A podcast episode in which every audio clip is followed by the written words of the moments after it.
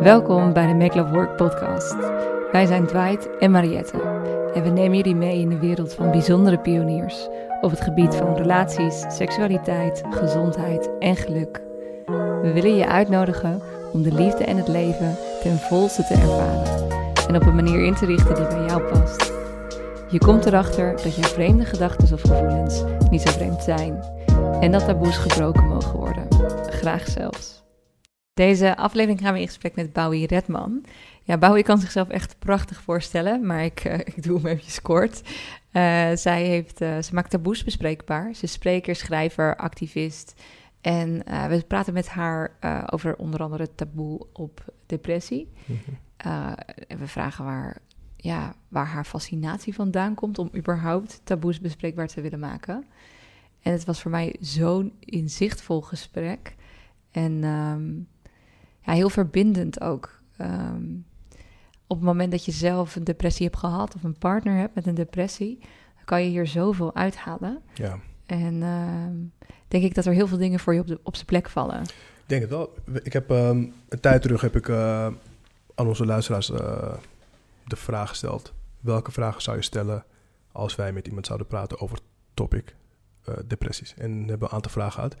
En zij geeft hier, voordat ik al de vraag stelde, of een aantal vragen stelde, begon zij heel mooi erover te vertellen. Hmm. Want haar vriend gaat, uh, ja, die heeft, die heeft nou, het, zij noemt het allemaal op, want het, hij gaat door een hele moeilijke periode. En zij vertelt hoe zij ermee omgaat. Ze vertelt um, ook, dus ze geeft je eigenlijk ook advies hoe je ermee om moet gaan. Want het is natuurlijk heel moeilijk. Ja om met iemand om te gaan, want je voelt je misschien ergens ook wel, je voelt een bepaalde uh, verantwoordelijkheid naar je partner toe, of naar je vader of naar je moeder. Hmm. En zij vertelt heel helder en heel sterk hoe je dat zou kunnen aanpakken. Ja. En ehm, een hele belangrijke vraag uit de, uit de, uit, van onze luisteraars was ook van... Stel dat je het signaleert bij iemand in je omgeving.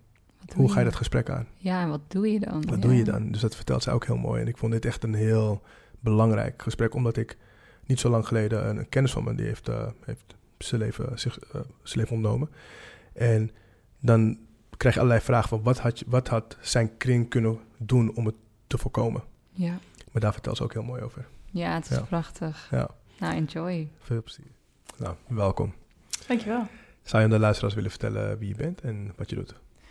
Zeker. Ik ben Bowie, of voluit Bowie Redman Barbiers. En um, ik maak taboes bespreekbaar. Dus dat zijn eigenlijk alle onbespreekbare onderwerpen waar we liever niet over praten, maar wat ons wel menselijk maakt.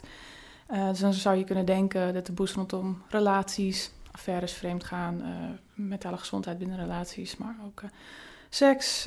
Dat kan zijn van hoe noem je je eigen vulva tot aan wat voor seksuele super interessante, maar niet sociaal geaccepteerde voorkeuren heb je. Uh, geld, mentale gezondheid, de dood. Um, praat veel over de dood.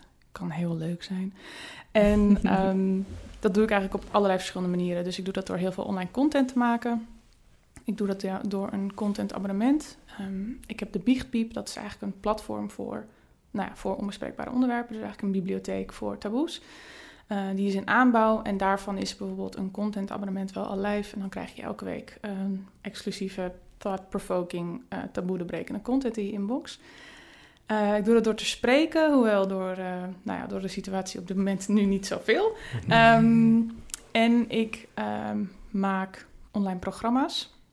Dus ik ben nu met een programma bezig om eigenlijk de taboes die er in jezelf zitten aan te kijken en op die manier jezelf vrijer te maken, zodat je veel meer ruimte in kan nemen. Dus ik, I'm, I'm pretty big on taking up some space. Dus daar um, help ik anderen dan bij. En in de toekomst zou ik het aller, allerliefst een tv-programma willen.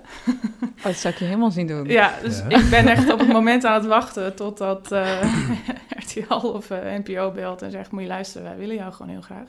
Hier heb je geld, ga maar een programma maken. Um, dus da daar zit ik echt op te, zit ik op te wachten. En een programma over dit? Over taboes, dit, ja, taboes, ja. Ik denk dat, dus er, staan, er liggen wel al plannen. Um, dus dat is heel erg tof. En ik zou ook graag educatieprogramma's maken. Dus voor universiteiten lijkt me heel mooi. En voor bedrijven. Dus dat ik echt in bedrijven kom en kijk. Wat wordt hier niet besproken? En hoe, wat voor effect heeft dat op de sociale cohesie, op, de, op het werk? En hoe kunnen we zorgen dat dat wel besproken wordt, zodat er gewoon een beter werkklimaat ontstaat? Nou, in een nutshell. ik doe dus heel veel. Tof. Prachtig. Ja, je weet bijna niet waar je moet beginnen. Nee. Maar ik vind, het, eh, ik vind ook dat je het heel mooi... eh, het is heel duidelijk wel, want het gaat allemaal over taboes. En hoe komt het dat jij zo aangetrokken bent tot, tot dat thema, taboes doorbreken? Ja, dat is een goede vraag.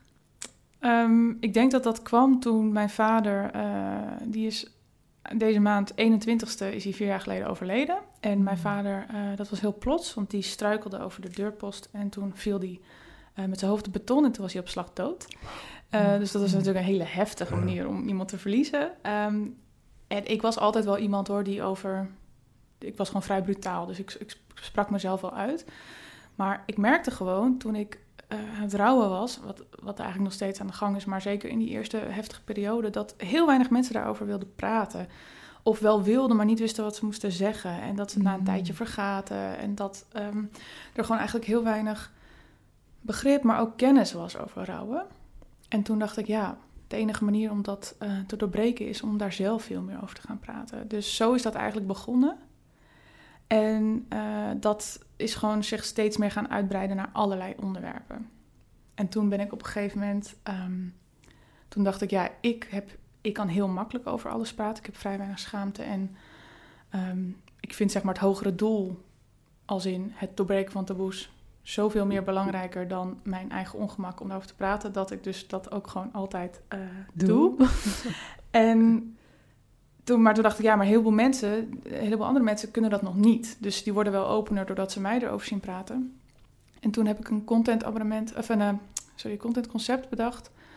Waarbij je, eh, dat heet de biechtbrief, waarbij je mij anoniem een biechtbrief kan sturen over een onbespreekbaar onderwerp. En dan breng ik het ten gehore. Dus dat begon met dat ik het op Instagram op een, in een IGTV voorlas. Dus dan las ik die brieven voor en dan konden mensen daarop reageren. En ondertussen is dat niet alleen, ehm, doe ik dat niet alleen online op Instagram, maar komt het bijvoorbeeld ook in mijn podcast voor. Dus dan lezen weer anonieme mensen, eh, voorlezers, lezen dan eigenlijk brieven voor van anonieme schrijvers. En die reageren daar dan ook op. En dat werkt heel goed. En zo is dat balletje gaan rollen. Dus daarna Bijzonder. is eigenlijk de Bierpiep ontstaan. En dat werd steeds groter en groter, die ideeën. En, ehm, maar goed, dat, dat, dat concept dat werkt gewoon heel goed. En dat was echt ja, super bijzonder om dat te mogen doen. Ja, En nog steeds doe ik dat hoor. Er komen nog steeds brieven binnen elke maand. Dus dat is heel leuk. prachtig. En dat, dat, dat taboe doorbreken is dus echt gestart bij het overlijden van je vader? Ja. Of misschien al daarvoor? Ja, kijk, eigenlijk... Ik denk dat ik vrij... Ik ben vrij onconventioneel opgevoed. Dus... Mm. ehm, of, nou... Ik heb niet per se dat mijn, mijn opvoeding zelf zo onconventioneel was... maar ik denk dat de relaties en de familiestructuren... waarin in- ik in heb gezeten en nog steeds in zit... vrij onconventioneel is. Dus mijn moeder was iemand die ehm, allerlei soorten relaties had. Als, ik, als je op een verjaardag van haar komt... dan zitten ook al haar exen om tafel taart te eten, zeg maar. Dus zo, om even aan te geven... zo'n soort eh, band Ja. heeft mijn moeder met relaties. Dus...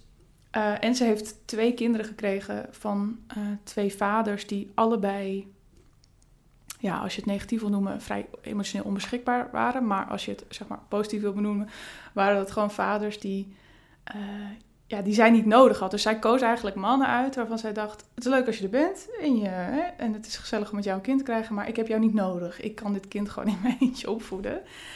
Eh, dat is natuurlijk misschien een beetje een gekke beslissing. Maar eh, in principe heeft het goed uitgepakt voor, voor ons.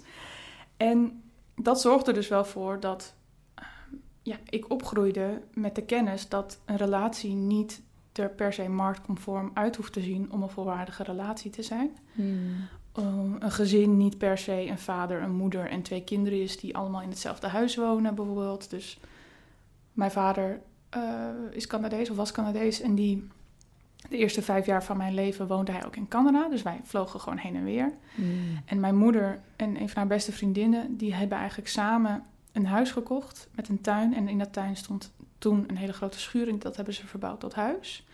Dus ik ben eigenlijk opgegroeid met mijn moeder en die vriendin en haar kind en mijn zus. En zij deelden ook gewoon samen de opvoeding.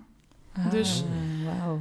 En, en mijn vader was er dan zo de eerste vijf jaar af en toe een paar maanden. En toen ik vijf was, is hij naar Nederland geëmigreerd. Ehm, en toen zij uit elkaar gingen, was het precies hetzelfde. Dus hij ging vijf huizen verderop wonen. Mijn moeder kreeg een nieuwe vriend, mijn vader kreeg een nieuwe vriendin. En eh, mijn vader at elke dag bij ons. Die liet 's ochtends de hond uit. Ze deelde een krantenabonnement. Weet je wel, dus het was allemaal heel erg verweven nog in elkaars leven. Ja. En ik denk dat dat wel... Kijk, dat heeft er absoluut aan bijgedragen... dat ik natuurlijk zo open zelf ben. Doordat mijn moeder gewoon liet zien van... Ja, maar ik kan bijvoorbeeld ook een open relatie hebben. Of eh, een... Ja. Nou ja, en als het uitgaat hoef je dus niet te zeggen van... Doei. Doei, maar kan je ook kijken naar wat hebben we eigenlijk wel... wat we nog willen behouden en dat behouden. Hmm, Ja. Mooi. Hoe ging je... Want goed, je groeit op in bijzondere omstandigheden. Mhm. Ehm, maar hoe ging jouw omgeving ermee om toen je naar de basisschool ging, middelbare school? Ja, ik denk dat ehm, dit is een beetje in retrospect. Dus ik was me Ja. er gewoon niet zo erg bewust van dat dat natuurlijk anders Ja, was. precies. Eh, dus ik denk ook niet dat ik daar toen heel erg bewust over praatte van... nou, dat is heel anders. Ja. Ik word opgevoed door mijn achterbuurvrouw samen met mijn moeder of zo. Ehm, maar ik weet wel dat eh, mijn moeder blode vroeger bijvoorbeeld wel eens. Nou, als dat misschien één keer in de maand of twee maanden was, dan was dat veel. En dat was als kind heel beschamend. Maar als ik, toen ik een tiener werd, was dat weer hartstikke cool, weet je wel. Ja. Want dan was het weer zo van- dan was dat eigenlijk best wel stoer dat je moeder, terwijl jij eigenlijk ook stiekem blode, dat zij dan ook blode bijvoorbeeld. Ehm, en mijn moeder doet bijvoorbeeld al, nou, zeker een jaar of 20, 30 of zo aan tantra. Nou, dat durfde ik als kind natuurlijk niet te zeggen, want dat is gewoon eigenlijk een één grote seksorgie. Dat is Mhm. natuurlijk niet zo, maar dat, hè, dat was soort van een beeld dan? wat er dan aan hing. Eh, terwijl nu doet iedereen in mijn omgeving aan tantra. Dus Ja. nu is dat weer helemaal... eh, dus het, het- eigenlijk in verschillende levensfases heeft dat verschillende reacties opgeleverd. En als kind was dat gewoon iets minder aanwezig, omdat ik had wel een vader en ik had een moeder. En eh, ja, dat mijn moeder ook een, eh, een vriendje had in Spanje, dat wist, dat wist de mens op de basisschool niet, weet je wel. Dus dat werd eigenlijk pas later ehm, ja, bekend, of hoe moet je het zeggen. Pas later werd dat iets waar mensen ook iets van konden vinden. Ja, precies. En hoe ging jij daarmee om in de eerste instantie? Toen je merkte, hé, hey, mensen vinden er wat van. Hmm. Nou, dat. Ik denk dat dat heel erg. eh, het, is, het, va- het valt wel mee. Dus het is niet, heeft niet zo heel erg veel. Ik heb niet zulke eh, hele heftige eh, meningen te verduren gekregen of zo. En ik denk ook dat dat komt doordat. Tenminste, dat is ook hoe ik nu altijd alles aanpak. Als ik doe alsof iets normaal is, dan is dat zo. Hmm. Dus als ik me nergens voor schaam, dan kan jij dat wel schaamtevol vinden. Maar ja, daar heb ik niet zoveel aan. Dat is dan jouw ongemak en niet die van mij, zeg maar. En Ja. ik denk dat, doordat dat voor mij zo normaal was, dat ehm, ik dat wel altijd ook heb gevoeld. Hmm, mooi. Dus, ehm, en dat heb ik eigenlijk nog steeds. En natuurlijk zijn er heus wel eens dingen, ja, die misschien, waarvan ik misschien zelf ook nog wel een soort van eh, de maatschappij of de norm van binnen voel, die eigenlijk zegt, dit mag niet of dit hoort niet of dat is schaamtevol. Maar over het algemeen, ehm, Kan je jezelf daar overheen zetten? ja, kan ik mezelf Ja, overheen ja. zetten. Het lijkt me heel, heel bevrijdend als, jij, Nou, als je bijna geen taboes hebt. Oh, dat is heel bevrijdend. Het is echt, eh, daarom vind ik dit werk ook zo belangrijk. Omdat Mhm. het is niet om, kijk, het is hartstikke leuk om over taboes te praten. Laat ik dat voorop stellen. Maar ehm, ik doe dit zodat je uiteindelijk veel meer vrijheid en eh, verbinding gaat ervaren. En zodat je je minder eenzaam voelt. Want heel vaak wat ik in mijn werk zie is dat mensen zich ergens dan over uitspreken. En echt denken, ik ben de enige met deze gekke gedachten. Of eh, ik ben vast de enige die mijn kind haat. Of weet je wel, dat soort dingen. En je bent gewoon nooit alleen. hmm. Alleen praten mensen er niet over. En zo houden we dat taboe in stand. En houden we er ook in stand dat je nou ja, die schuld kan voelen, die schaamte, die eenzaamheid. Ja. Dus hoe meer taboes doorbroken worden, hoe vrijer we kunnen leven en hoe meer verbinding we ook gaan voelen. Mooi. En hoe meer je dus ook echt helemaal kan zijn wie jij bent in al je facetten. Mooi, want als je dit zo zegt, zou ik bijna kunnen denken dat het niet spreken over taboes eigenlijk depressief maakt. Ja. en praten over depressie is dan ook weer een taboe. Ja. Of ervaar je dat niet zo? Ik ben benieuwd. Ja, ja, nou ja, kijk, ik ervaar niks als taboe, maar Nee, maar er zit Ja. wel een taboe op. Nee, absoluut. Ja. Ehm, ik denk inderdaad dat het niet spreken over taboes in sommige gevallen eh, zeker kan leiden tot, het, eh, eh, tot mentale problemen. En het niet praten over mentale problemen is een soort van catch-22. Dat houdt zichzelf gewoon in stand. Ja. Ja. Ehm, ik moet wel zeggen dat ik, ik vind het super fijn om te zien dat er veel meer wordt ge- gepraat over mentale problemen. Maar er zijn nog steeds facetten waarvan ik denk, ehm, ja, zeker als, het, zeker als het over de dood gaat, over zelfmoord bijvoorbeeld. Hmm. Dan merk ik al gauw dat, eh, dat, dat, er, dat daar bijvoorbeeld nog een heel groot taboe op zit. Van mensen die bijvoorbeeld wel suïcidale gedachten hebben, maar niet per se dood willen. Maar wel heel erg met die suicidal ideation eh, spelen. Ehm, de, de zelfmoord is, is echt zo'n ding, zo precair, dat mensen altijd gelijk zoiets hebben van... nee, daar kunnen we niet over praten, want iemand wil dood. En dan straks zeg ik iets verkeerds en dan gaat het, dat is mijn schuld of wat dan ook. Terwijl dat vaak juist, juist eigenlijk nodig is om...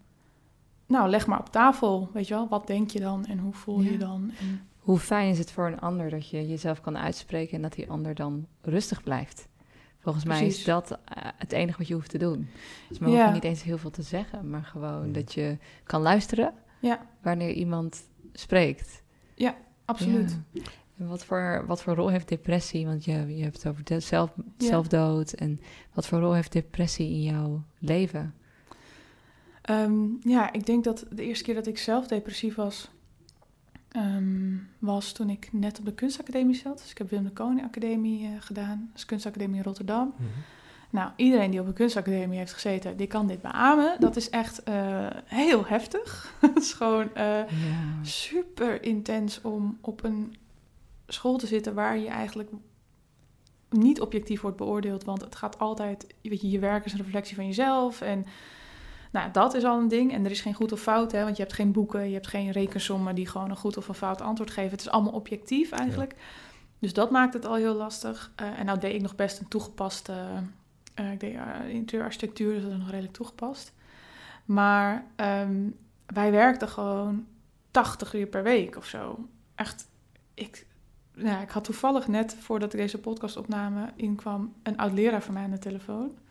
En toen zei ik nog tegen hem dat ik een paar jaar geleden daar was geweest op de academie om een presentatie te geven over, ja, over wat, je eigenlijk, wat ik op dit moment deed, wat je kan doen nadat je afgestudeerd bent. Maar een heel deel van mijn presentatie ging over, over dat ik vond dat de academie echt een burn-out cultuur cultiveert.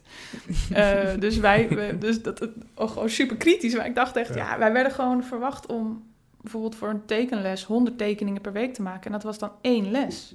Oh, wauw. En dan, je werkte gewoon dag en nacht. En de enige vakantie die je echt had was de zomervakantie, want dan was het jaar voorbij. Maar door alle andere vakanties werkte je gewoon door. En ja, echt, ik ken niemand die daar zeg maar ongeschonden van af is gekomen. dus om even, dus het wordt zo een heel lang verhaal, maar het komt erop neer dat dat was de eerste keer dat ik merkte dat ik eh, eh, depressieve gevoelens had. Eh was ook voor het allereerst dat ik naar op mezelf ging wonen in Rotterdam, waar ik niemand kende. Ik kom zelf uit Friesland, dus het was nogal een end weg. Rotterdam is nogal een heftige, heftige stad wat betreft... Dat moet echt aan je groeien, zeg maar, tenminste. Ja, zeker. Echt zo'n... eh, Ja. nu eh, hou ik enorm van Rotterdam, maar dat heeft echt wel een paar jaar geduurd. Dus ja, het is een terugkerend thema wel in mijn leven. Nou ja, en toen mijn vader doodging natuurlijk, dat is denk ik... eh, ehm, ik kan niet zeggen dat ik toen zwaar depressief was. wat is rouw en wat is depressie? Maar eh, ik heb toen wel bij een psycholoog gelopen voor een milde depressie. En ik had toen een angststoornis ontwikkeld door de dood van mijn vader bijvoorbeeld. Eh, ja, dus dat loopt al. En dan rouw erbij. Dus dat is een soort van gekke cocktail. Ja. En mijn, eh, ik heb een relatie met iemand die al 3,5 jaar depressief is en een burn-out heeft. Dus ik denk dat dat nog de aller, allergrootste impact heeft. ja. Zelf depressief zijn is ook heftig. Maar ik vind dit echt eh, Nog vele malen ja. zwaarder. Wa- Waar komt het denk je vandaan? De, de, want je hebt, het is een paar keer teruggekomen in je leven. Mhm. Waar komt het vandaan waardoor de ene er gevoeliger voor is dan de Ja. ander? Daar zit ik wel eens over na te denken. Maar ik kan me dus bijvoorbeeld ehm, niet voorstellen dat je niet die ja, diepgang of zo kan ervaren in je leven. Terwijl je hoeft niet, niet depressief te zijn om diepgang te ervaren, maar meer van. Ik denk dat het wel te maken heeft met dat ik wel heel intens voel. Mhm. Dus ik leef ook vrij intens, denk ik. En ik schuw die diepte niet. En ik eh, leef vrij rauw. En ehm, ik heb ook gewoon shit meegemaakt. Wat er, zeg maar, toe kan leiden. Ja, Ja. dus kijk, ik, zeker na de dood van mijn vader... dat heeft me echt een andere laag in het leven gebracht. En eh, ik kijk wel eens naar mensen die bijvoorbeeld nog nooit... die mijn leeftijd 30 zijn, nog nooit iemand hebben verloren... nog nooit eh, ja, mentale problemen hebben gehad. En dan denk ik, hoe leef jij? hoe, hoe kan dat? Wat doe je dan goed of fout? Of Mhm. zeg maar... ehm, dus ik, ik durf niet te zeggen waardoor dat komt. Maar ik denk wel dat het echt hangt van... ben jij, eh, ja, hoe gevoelig jij zelf bent en hoe, hoe jij emoties verwerkt en ook hoe je die kan uiten misschien wel. Ehm, want als ik naar mijn vriend kijk, is het tegenovergestelde van, ik, van mij. Ehm, hij is eerder een binnenvetter, zeg maar. Mhm. En ik ben dat juist niet.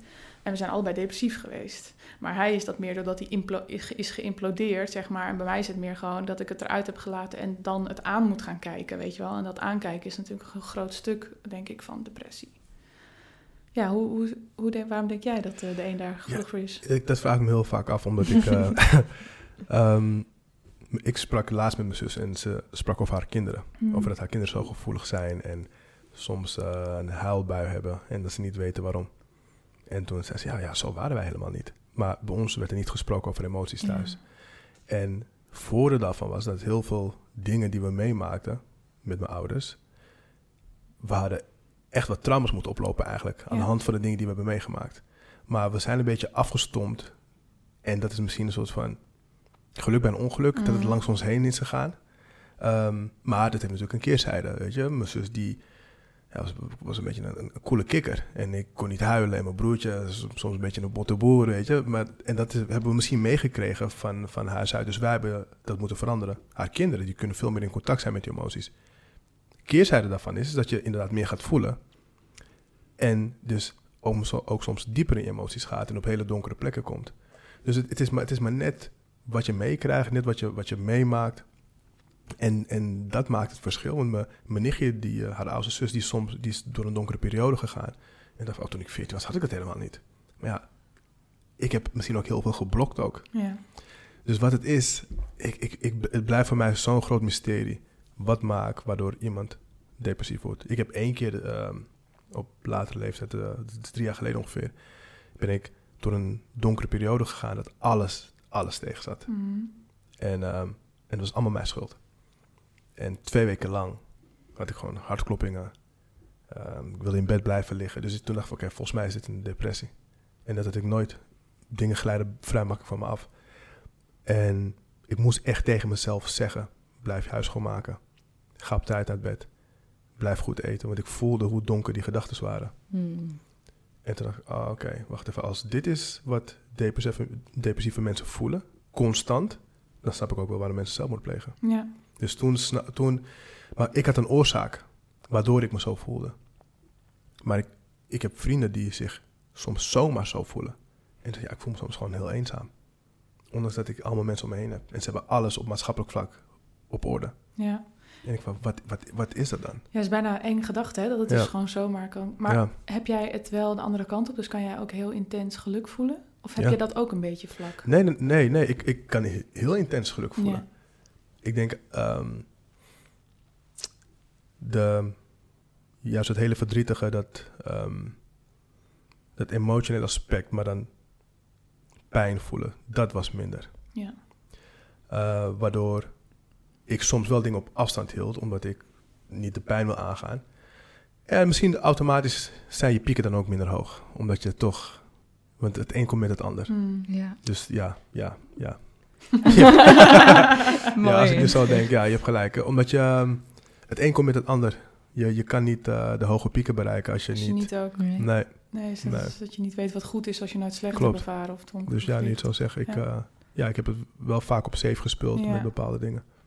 Ja. want dat vind ik wel een, een andere mooie zijde eraan. Dat doordat ik weet hoe ellendig het kan zijn, eh, en dat is natuurlijk super cliché, maar kan ik het ook enorm waarderen hoe mooi het leven kan zijn. En ik Mhm. voel dus ook heel intens, inderdaad. Ik kan echt zo euforisch, extatisch zijn. Hmm. Bijna, bijna een beetje manisch, maar nee, dat niet. Maar dat, maar wel dat je gewoon zo, ja, zo intens kan voelen. Ja. Dat, dat je van liefde uit elkaar spat, bijvoorbeeld. Of van geluk. Of, Mhm.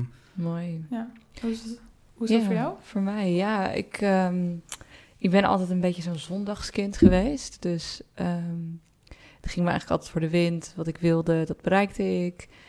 Ehm ja, deed meerdere studies tegelijkertijd. Had altijd mannen om me heen. Had leuke vrienden. Ging naar de feestjes die ik wilde. Dus dat is allemaal heel, heel goed gegaan. Maar het grote thema in mijn leven is altijd eenzaamheid geweest. Ik heb me heel anders gevoeld dan, ehm, ja, dan mijn broer en mijn zus, dan mijn ouders, dan eh, de, de, de dorp waar ik uitkwam. En die, die eenzaamheid, en dat, dat groeide, dat was niet toen ik als kind was, maar vanaf de middelbare school. Eh, daar, daar kon ik niks mee. Mm. Eh, ik had een bepaalde spirituele kant en een bepaald diep emotionele kant die ik niet kon delen met mijn omgeving. En dat maakte dat ik op een gegeven moment dat voor mezelf ging houden. En dat maakte me heel eenzaam. En dat maakte ook dat ik een beetje dissocieerde van de wereld om me heen. Ehm, dus het was niet dat ik geen vrienden had, maar het was altijd zo alsof ik de echte Mariette, dat ik wachtte totdat er iemand kwam waarmee ik de echte Mariette kon delen. Want ik liet de echte Mariette aan iedereen zien, maar bijna niemand leek daarmee te kunnen verbinden. Mm. Oh, ja. Dus ik bleef haar stelselmatig aan de wereld laten zien. In de hoop dat er ooit iemand kwam die daarmee kon verbinden. Dus dat is het stuk geweest wat in mijn leven altijd pijnlijk was. En uiteindelijk was ik 24 en toen kwam ik een man tegen die zich kon verbinden met de echte Mariette. En dat was de eerste man die dat kon. En dat werd mijn partner. ehm ben ik zes jaar lang mee samen geweest. Toen kwam het moment dat wij een huis hadden gekocht. We hadden onze bruiloft gepland. En toen voelde ik dat ik een kinderwens had. En dat was het moment dat we uit elkaar zijn gegaan. En toen kwam ik dus echt in een heel diep dal terecht. Echt een heel diep dal. En toen kwam ik er eigenlijk achter dat in de tweede instantie, dit is ook in retroperspectief, ehm, dat de eenzaamheid die ik altijd al had gevoeld, dat ik die nooit had doorleefd en dat die toen open werd geritst. Ja. Dus door het verbreken van die relatie met mijn partner, de soulmate waar ik altijd op had gewacht, ehm, voelde ik ineens hoe eenzaam ik altijd al was. Dus ik had het alsof als een soort van koekje voor mijn neus gehangen. Zo van, nou Jet, je voelt je nu misschien eenzaam, maar op een dag is dat anders. Dus stop hem nog maar even weg. Dit is voor later, want Ja. op een dag komt jouw man. En toen die man kwam en die man vertrok, toen was ik in totale verwarring. En toen heb ik eigenlijk dat verdriet van al die jaren doorleefd. En ja, noem je dat een depressie? Ik denk dat het heel interessant is om ook te formuleren, wat is een depressie dan? Ja. Voor mij was dat een heel diep emotioneel dal. Heel veel voelen, heel veel verdriet, heel veel onmacht. Ik voelde me ook heel onmachtig. Eh, het overspoelde me. Ik had ook, eh, ik kreeg ook eczeem over mijn hele lijf, op mijn gezicht.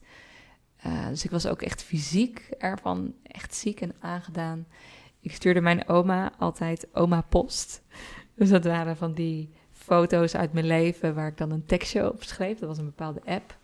En ik had gewoon niet meer de energie om haar dat te sturen. En niet heel lang daarna kwam mijn oma te overlijden. En dat heb ik zo erg gevonden. Dat ik vlak in de periode voordat zij kwam te overlijden. haar geen berichten meer stuurde omdat ik die energie niet had. En ik dacht, oh, ben ik zo zelfabsorbt geweest. En dit was de laatste maanden die ik met oma had. Ik weet zeker dat oma het me vergaf. Ja. maar dat vond ik wel heel moeilijk. Dus ik merkte wel, ik ben goed uit me doen. Ehm, maar voor mij is een depressie misschien meer het verzet tegen het verdriet dan de acceptatie van het verdriet. Want elke keer wanneer ik merkte dat ik me verzette tegen mijn situatie en dat ik dacht, oh god, ik ben 30 jaar en ik ben mislukt. Ik had een huis gekocht, mijn bedrijf ging bijna failliet, mijn bruiloft ging niet door. Ik, ik schaamde me. Ik schaamde me voor wie ik was. Ik schaamde me voor waar ik stond. En dat gevoel van schaamte en verzet, dat ik gewoon een mislukkeling was, dat was ondraaglijk. Mm. Maar elk moment dat ik tegen mezelf zei: Oh ja, het is wel heftig, hè? Wat we nu allemaal voelen. Ja. en het is ook echt niet zo leuk. Maar het zal wel ergens kloppen. En het is oké. Wat, wat kan ik nu doen om zo lief mogelijk voor mezelf te zijn? En dat, als ik nu terugkijk, ben ik zoveel mooier mens geworden. En is dat een van de mooiste dingen eigenlijk die in mijn leven is gebeurd. Dus het is een lang verhaal, maar het is echt een van de mooiste dingen die me is overkomen. Dat ik zo diep ben gegaan dat ik ben gebroken. En dat ik niks anders kon dan hulp vragen. En dat is ook waar, de, waar het vertrouwen in mijn omgeving weer is hersteld. Ja. Ja. Maar maar hoe, hoe ging jij ermee om als jij... eh, Ik ga naar een psycholoog. Ik, eh, nee, ik, ben, eh, ik ben net Oprah met de psychologen. You get a psychologist. You get a psych- nee, ik ben heel erg... ehm, Eh, ik bedoel, je hoeft, niet, je hoeft niet naar een psycholoog natuurlijk, maar ik ben wel heel erg voor hulp zoeken. Eh, de eerste keer, of de, eigenlijk na mijn vader, heb ik cognitief gedragstherapie gevolgd. En dat heeft heel erg geholpen, omdat ik had nog nooit geleerd dat ik een gedachte niet hoefde te geloven, weet je wel. En uh, niet dat ik die kon uitdagen. En dan kon ik, ik mijn copingmechanisme is onder andere controle. Dus ik, mijn copingmechanisme vond het ook best wel lekker dat ik hele concrete opdrachten kreeg bij cognitief gedragstherapie, die ik gewoon kon uitvoeren, Mhm. waarmee ik dan controle kon uitvoeren op mijn, op mijn wat dan ook. Um, maar dat heeft wel echt enorm geholpen. Dat zijn, ja, dat heeft wel echt heel veel geholpen. Ja, en verder, ik. Um, jij had het net maar het over overgave. En ik, ik heb ook wel het gevoel dat dat inderdaad een heel groot onderdeel is. Dus wat ik merkte bij de rouw.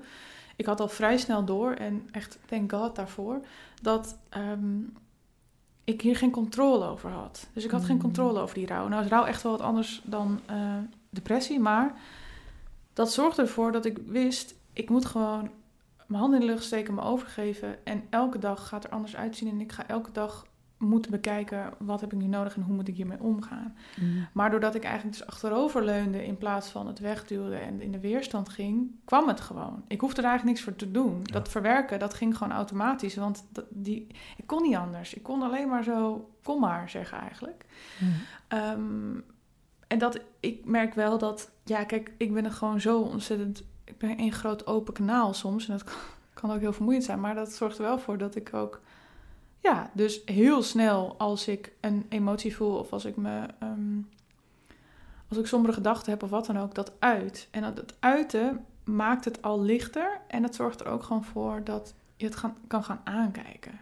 Mm. En dat vind ik echt, echt wel een heel belangrijk stuk daarbij. Omdat.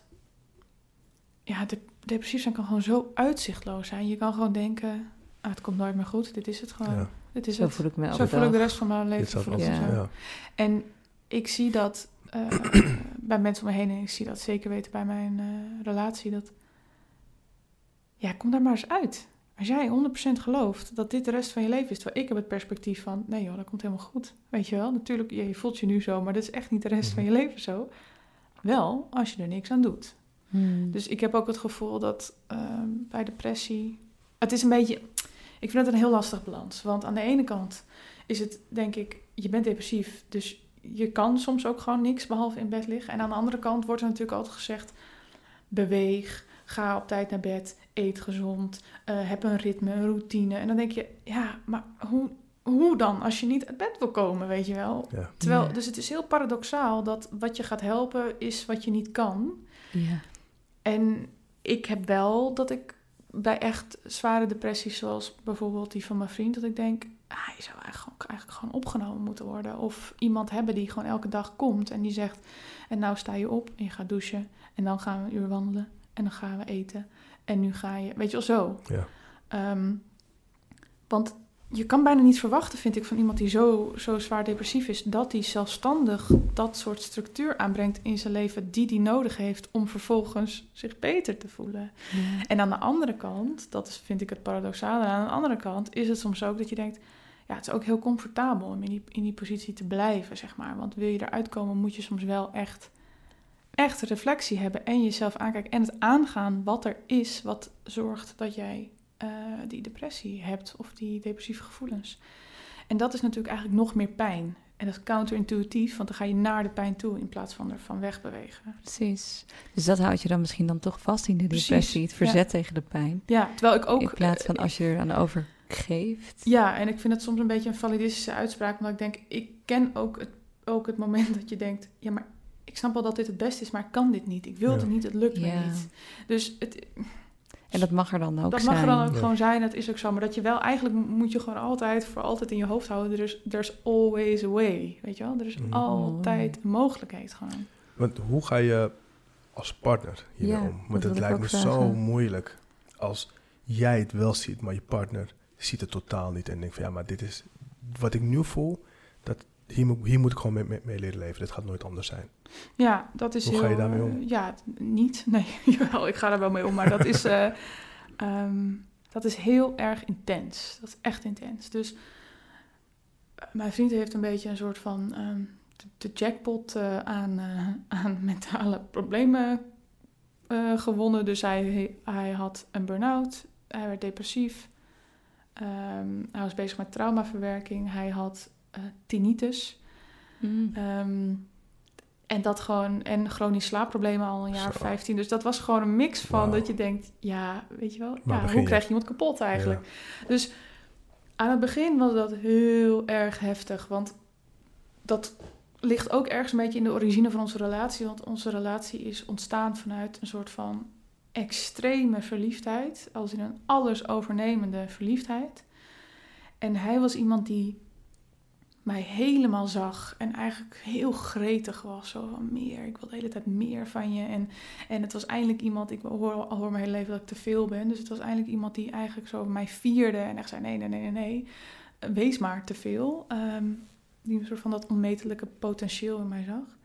En in één keer werd het iemand die, waarbij ik eigenlijk niet in de buurt kon ademen, weet je wel? Omdat dat al te veel was. Dus ik moest mij Zo. mentaal eigenlijk ontzettend klein maken. Dus het was heel een enorme contradictie tot hoe wij waren begonnen. Toen ging mijn, na een half jaar ging mijn vader dood. Dus dat was al, dat was eigenlijk de breuk van de verliefdheid. En een half jaar later ging hij, werd hij ziek. Ehm, dus wij zijn vier en een half jaar samen, waarvan hij drieënhalf jaar ziek is. Dus dat is ook al eh, eigenlijk een super scheve verhouding. Ehm, dus ik moest mijzelf gewoon eigenlijk steeds kleiner maken. We konden niet, niet praten, want dat kon hij niet aan. En hij had, kon geen geluid aan. Hij kon eigenlijk alleen maar op de, op de bank liggen huilen in de beginperiode. En ik was net gestopt met mijn... eh, of ik zat net in de ziektewet omdat eh, ik niet meer kon werken door de rouw van mijn vader. Dus het was een hele gekke nou ja, situatie. En ik heb door de jaren heen dus echt heel erg moeten leren om ruimte voor mezelf weer te maken. En hij, ik noem deze jaren ook wel eens jaren van emotionele schaarste. Dus alles wat ik eigenlijk nodig heb van hem, dat kan hij mij niet geven. Mm. En het is dat die verliefdheid aan het begin zo sterk was, dat dat een hele, echt een bron van hoop en van vertrouwen voor mij is. Omdat ik dacht, ja, maar dat was zo, zo zeg maar out of this world. Mhm. Ik weet gewoon dat dat de basis is van onze liefde. Ehm, maar ik weet ook dat wij eh, zeer binnenkort eh, uit elkaar gaan. Omdat dit gaat gewoon niet. eh, het, het kan als dat beter wordt. Maar hij is al vrij lang gestagneerd. En ik kan niet mijn hele leven met iemand zijn die eh, zich zo voelt. En ook niet de stappen onderneemt om, Ja. om daaruit te komen. Ja, want dat vraagt me dus af. Ja. Ehm, ben jij verantwoordelijk? Ja, je, natuurlijk, je, je bent niet verantwoordelijk voor zijn, Ja. voor zijn geluk, maar wanneer mag je eruit stappen? Want op een gegeven moment tot het voor jou ook niet heel fijn. Want dit is niet de deal die jullie hebben gemaakt in zekere zin. En Nee. je- zeker als je zo hoog hebt gepiekt zoals jullie dat hebben Mhm. gedaan en jullie nu in een heel andere situatie zitten, voel je je verscheurd dat je denkt van ja oké, maar dit is niet de man die ik, die ik wilde hebben. Ja, ik heb gewoon de hele tijd gedacht: ik doe het voor wat er aan de andere kant van deze streep komt, of wat er aan de andere kant van de tunnel is. Daar doe ik het voor. En ik weet dat hij niet meer gaat zijn wie hij is, want Ja. we zijn ook ondertussen 3,5 jaar verder. Maar ik doe het voor die persoon die er weer gaat worden. Ehm, en dat heb ik gewoon heel lang kunnen doen. Maar nu is mijn eh, hoop ook wel een beetje op, want hij heeft die hoop niet. En dan is het wel van. Ja, voor wie doe je het dan? Als jij dat eigenlijk zelf ook niet gelooft. Ja, dan zit jij je eentje te hopen. Ik zit in mijn eentje Ja. te hopen. En kijk, ik ben niet verantwoordelijk voor hem. Dat realiseer ik me goed. Mhm. Maar zijn situatie heeft superveel invloed op mijn leven. Dus het is heel moeilijk om mijn handen er compleet van af te trekken. Omdat hij heeft gewoon dagelijks... Mijn dagelijks leven wordt nou, niet bepaald... maar wel beïnvloed door hoe hij eh, is en hoe hij zich voelt. Wij wonen Ja. ook samen. En dus ja, er is zeker... Er is gewoon een grens. En die grens is ondertussen bijna bereikt. En dat we zijn we allebei ook heel bewust van. Zo van, Mm. dit heeft niet meer een hele lange duur. Want of er moet echt iets veranderen... Ja.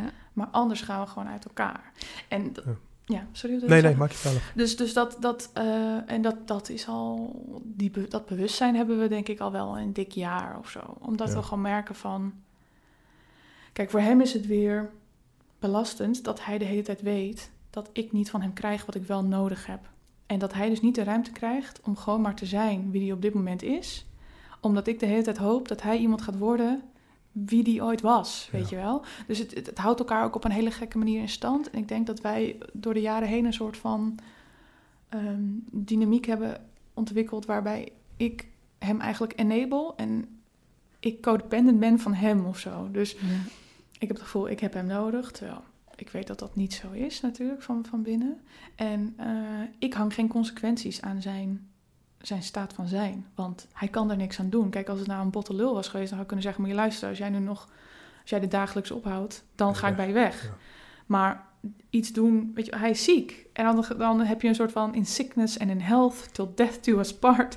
Maar eh, ja, ik denk Ja. wel van nee, dat gaat dus niet op Nee. dat gaat alleen maar op als, het, eh, als iemand ook wil. Kijk, als iemand nou bijvoorbeeld fysiek ziek, iemand breekt een been of iemand eh, krijgt een ziekte die genees, te genezen is, dan kan je zeggen, we gaan hier doorheen, we weten dat het. Maar dit is zo uitzichtloos, Ja. dat, dat waar zijn de kaders, weet je wel? Waar Ja. zijn de grenzen en wanneer zeg je genoeg is genoeg? Want waar bepaal je dat op?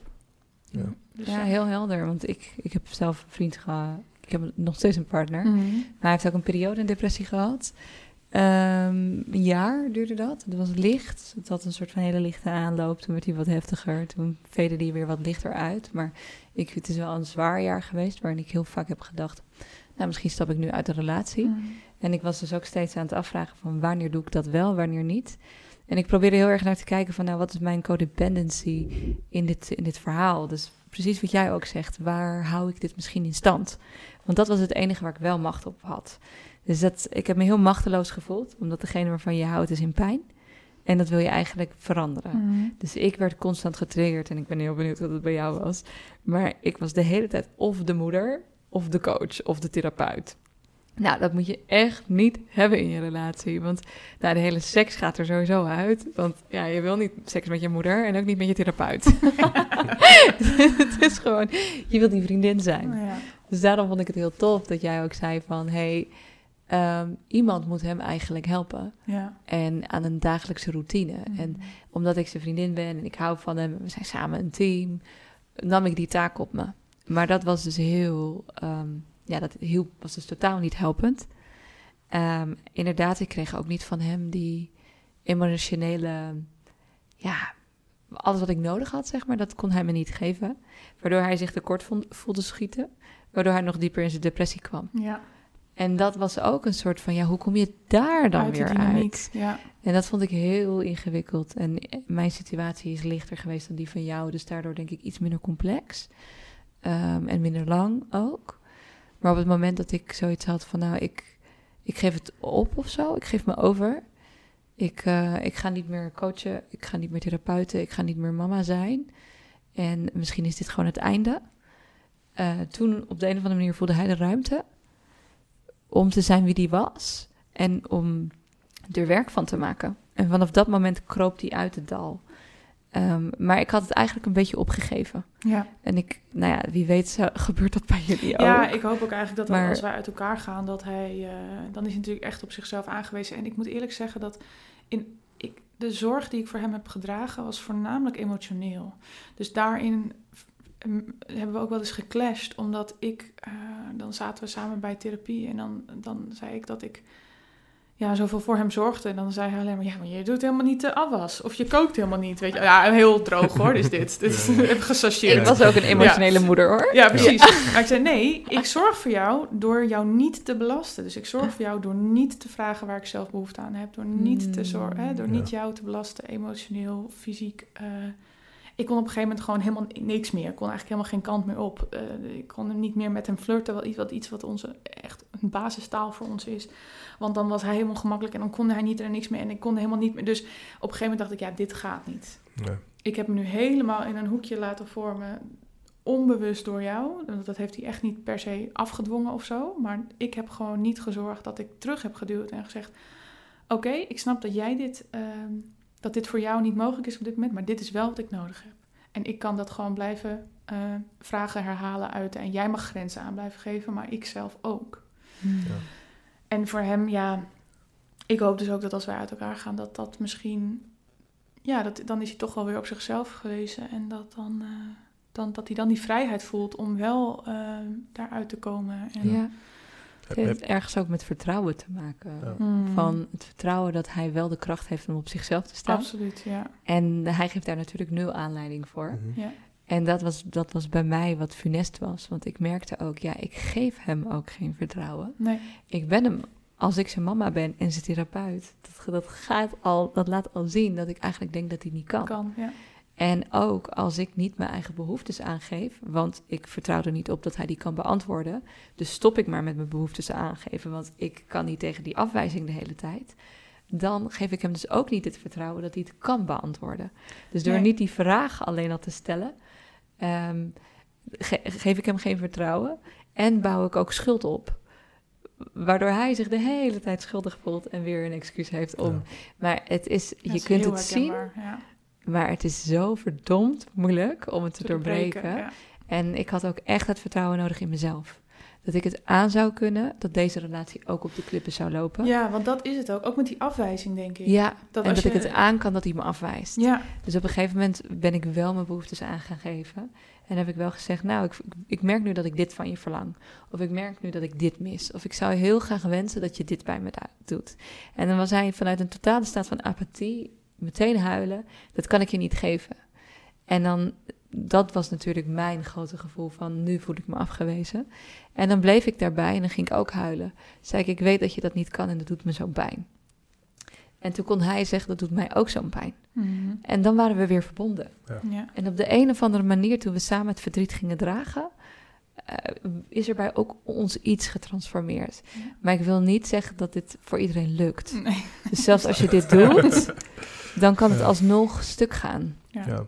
Eh, Heb, jij, heb jij zelf, want je, zit erover na te denken van nou, als dit zo doorgaat, dan ga, ga ik het niet redden. Mhm. Speel de gedachte wel eens in je hoofd van oké, maar als ik hem verlaat, dat kan misschien wel de druppel zijn waardoor hij Ja, zichzelf iets gedaan. ja, absoluut. Dat denk ik. Eh, maar ik heb gelukkig eh, een hele, hele, hele zware overtuiging dat dat, dat, niet, dat dat echt niet mijn verantwoordelijkheid is. Ja. Dus hij is echt verantwoordelijk voor zijn eigen leven. En ik denk ook dat dat een heel groot onderdeel is van de situatie waar hij nu in zit. Mhm. Dat hij eigenaarschap moet gaan pakken over de situatie waar hij nu in zit. Dat dat dus, ja, je kan dat de schuld opschrijven op de, eh, de depressie, je kan het de schuld opschrijven op het werk wat hij altijd heeft gedaan, die heeft geleid tot de burn-out, die heeft geleid tot de depressie. Eh, je, kan het, eh, je kan het aan alle kanten Mhm. vingers gaan wijzen, maar uiteindelijk moet hij eigenaarschap gaan nemen over zijn eigen situatie. Ja. En dat klinkt natuurlijk verschrikkelijk, want ik hoop niet dat hij doodgaat. Maar als die eigenaarschap betekent dat hij uit het leven stapt, dan is dat zijn eigen keus. Heel En dan is dat niet mijn, mijn toedoen.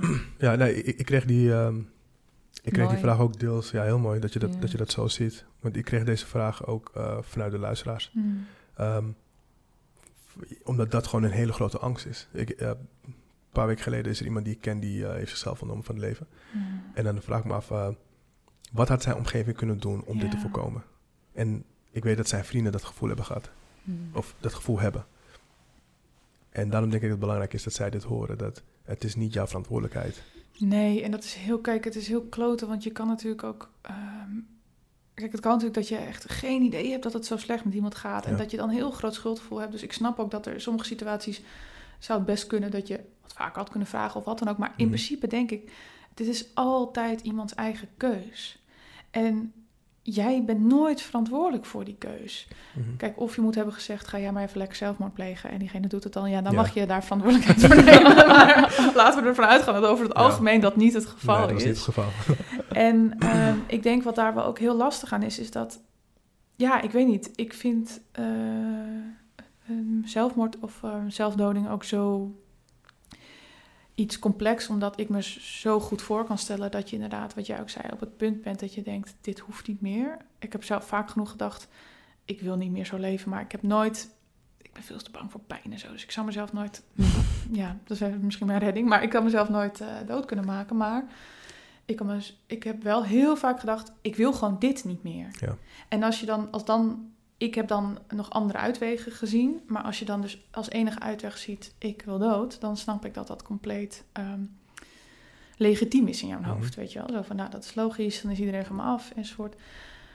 Maar soms is het ook, ehm, ja, ik vind het best wel een heftige manier om andere mensen jou te laten verliezen. Hmm. En dat vind ik er soms best wel moeilijk aan. Dat mag je natuurlijk niet zeggen, want dat is eigenlijk echt heel erg eh victim blaming en zo. En Mhm. eh, dat wil ik ook absoluut niet doen. Maar ik vind het echt zo heftig voor andere mensen die achterblijven van iemand Ja. die zichzelf van het leven heeft beroofd eigenlijk. En ja, daar ben je uiteindelijk, ja, moet je dat zeggen?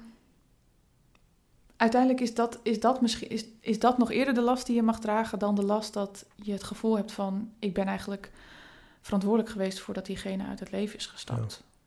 Ehm, maar goed, het, ja, het is complex. Het is heel complex. En Ja. ik denk gewoon dat je, je bent, je bent als buiten als omstaander nooit verantwoordelijk. Want iemand Ja. doet het zelf. En dat is wel heel heftig om te realiseren, omdat ehm, ja, dan moet je dus ook accepteren dat diegene, nou, dat als enige uitweg zag. En dat is natuurlijk best wel een heftige emotie om Ja. te voelen. voelen. In plaats van had ik maar, weet je wel. Ja. Mm. En je kan dus ook boosheid voelen of eh, ehm, ja, ik kan zeg maar dat is altijd met de dood, maar ook als iemand eh, ehm, overlijdt aan zelfdoding.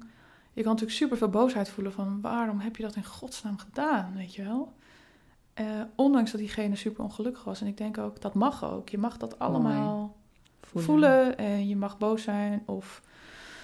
Ik bedoel, bij de dood hoort soms ook opluchting en eh, dat mag er ook zijn, weet je wel. En zeker als je bijvoorbeeld iemand Hm. kent die al, waarvan je eigenlijk al jaren weet...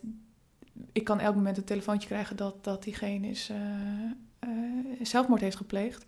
Dan kan dat soms ook als een opluchting voelen, omdat je weet dat diegene gewoon zo Ja, geleden. heeft geleden. En Ja. eigenlijk gewoon eigenlijk eh, nu heeft wat die bijvoorbeeld altijd heeft gewild. Ja. Dus ook geen taboe op je eigen emoties, zeg maar. Precies. Ja. Ja.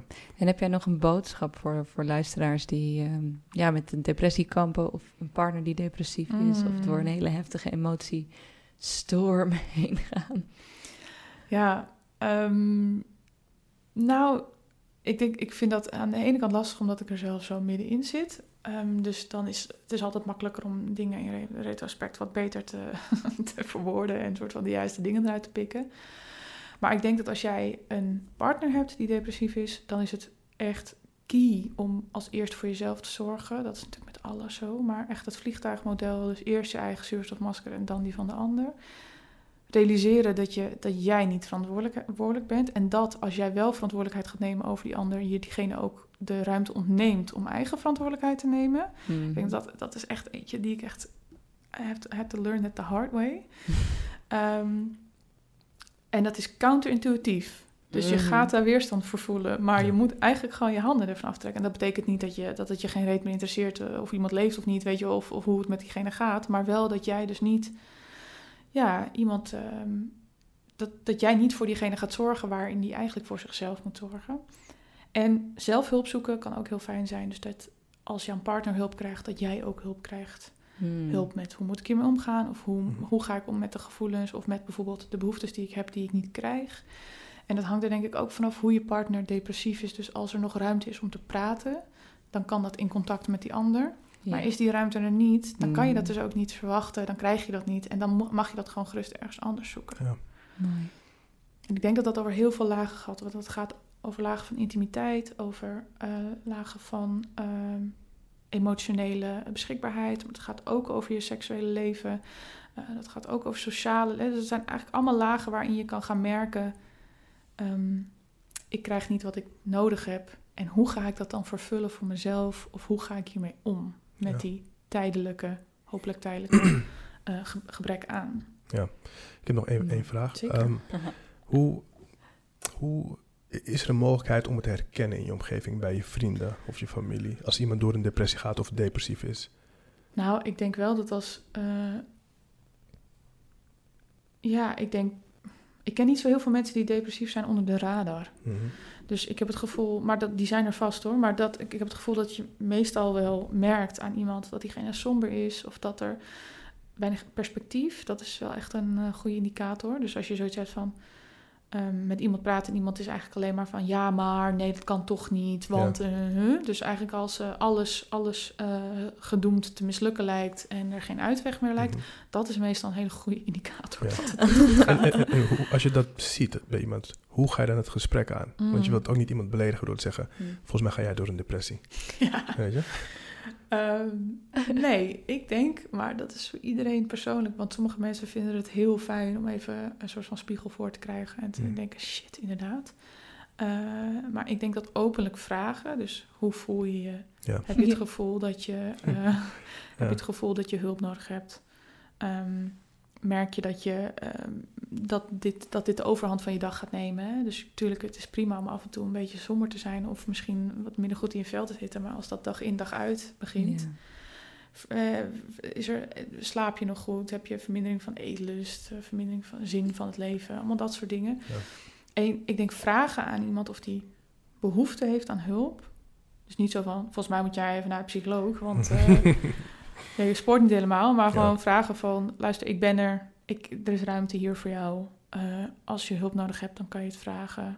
Eh, als je niet zelf hulp kan zoeken, dan kan ik je helpen. Of wat je dan ook maar wil geven, hè? want dat Ja. is wel een goede om... eh, om even erbij te zeggen, Ja. dat je hoeft niet eindeloos te geven, zeg maar. Dus je moet ook altijd goed bij jezelf inchecken van... wat kan ik op, met oprechtheid geven zonder dat ik daar zelf aan onderdoor ga. Mm.